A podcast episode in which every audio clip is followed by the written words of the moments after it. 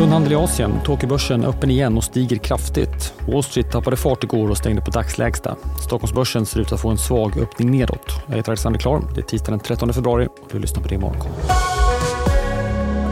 Ja, det är fortsatt stängt på flera håll i Asien på grund av det kinesiska nyårsfirandet. Japan som hade stängt igår är öppet igen och stiger kraftigt. Tokyobörsen är upp nästan 3 samtidigt som landets valuta försvagas. Det här tillskrivs uttalanden från landets centralbank om att man inte har bråttom att lämna de negativa räntorna och den väldigt stöttande penningpolitiken för snabbt. Muntert också i Sydkorea där COPS-index lyfter över 1% Tuffare var det för Wall Street igår som inledningsvis steg men tappade fart in i stängning. S&P 500 stängde ner en tiondels procent, så fortsatte över 5000 för index. Nasdaq tappade ytterligare någon tiondel. Utmärkande var att chipbolaget ARM fortsatte att rusa. Aktien steg en bit över 20% igår och sen i onsdags i förra veckan när bolaget kom med rapport har aktien dubblats. Bitcoinpriset har också klättrat och är nu återigen över 50 000 dollar. Vi får gå tillbaka så långt som till slutet av 2021 då bitcoin senast prissattes så högt. Det är små rörelser på den amerikanska räntemarknaden. Tioåringen står i 4,18 inför dagens och kanske veckans viktigaste makrosiffra, nämligen amerikansk inflation som kommer klockan halv tre. Den väntas komma ner och faktiskt falla under 3% även om det kanske viktigare måttet på kärninflationen inte faller lika mycket utan endast spås backa någon tiondel till att komma in strax under 4% för januari. Sverige så. Första morgonens rapporter. Skönhetsbolaget Lyko gjorde en eh, något mindre vinst i det fjärde kvartalet jämfört med i fjol. Rörelseresultatet blev knappt 22 miljoner kronor. Marginalen sjunker till 2,3 procent. Samtidigt ökade bolaget försäljningen under kvartalet med nästan 25 procent till att nå nästan en miljard.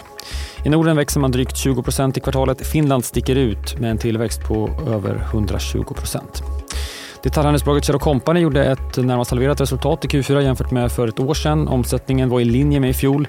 Bruttomarginalen minskade något och landade på knappt 40 procent medan den justerade ebitda-marginalen föll till 3,7 procent i kvartalet. Än värre för affiliatebolaget Catena Media som minskade omsättningen rejält i det fjärde kvartalet. Man har visserligen sålt av delar av verksamheten. Omsättningen minskade med drygt 40 procent. Den minskade också i Nordamerika där bolaget valt att fokusera. Bolaget har också nedskrivningar i kvartalet Justerat föll resultatet från knappt 12 miljoner euro i fjol till 1,5 nu och den justerade marginalen föll från 48 procent i fjol till 10 procent. Även gamebolaget Enad Global 7 gjorde ett sämre resultat i Q4 än i fjol. Omsättningen minskar och det justerade resultatet på knappt 100 miljoner kronor är nästan hälften av vad vi såg förra året. På ebit-nivå är det dock bättre. Det är positiva siffror jämfört med en förlust där i fjol. Fastighetsbolaget Balder har tagit in närmare 1,2 miljarder kronor genom en riktad emission. Pengarna ska användas till att köpa tillbaka bolagets hybridkapital. Emissionen gjordes med en knapp rabatt på 0,4 procent jämfört med gårdagens stängning och spär ut aktieägarna med 1,5 procent. Tagarna i emissionen var AMF och Swedbank Robur. Bostnäs näst största ägare, det norska investeringsbolaget Ferd har sålt aktier och gått under 10% ägande. Även flera personer i Boosts ledningsgrupp sålde aktier efter rapporten som kom i förra veckan. Klädåtervinningsbolaget Renewcell som kämpar med en sinande kassa har beslutat att skjuta upp sin kvartalsrapport som egentligen skulle kommit idag. Den skjuts fram tio dagar och styrelsen motiverade med att man fortsatt har full fokus på den strategiska översynen där man försöker säkerställa nödvändig finansiering för bolaget. Missa inte Börsmorgon i DTV med start kvart i nio. Redan innan Börsmorgon så intervjuas flera av dagens rapportörer, däribland Lyko och Catena Media. Ni hittar som vanligt alla intervjuer på sajten di.tv. Och det är Morgonkoll hör ni igen imorgon bitti. Vi hörs då. Jag heter Alexander Klar.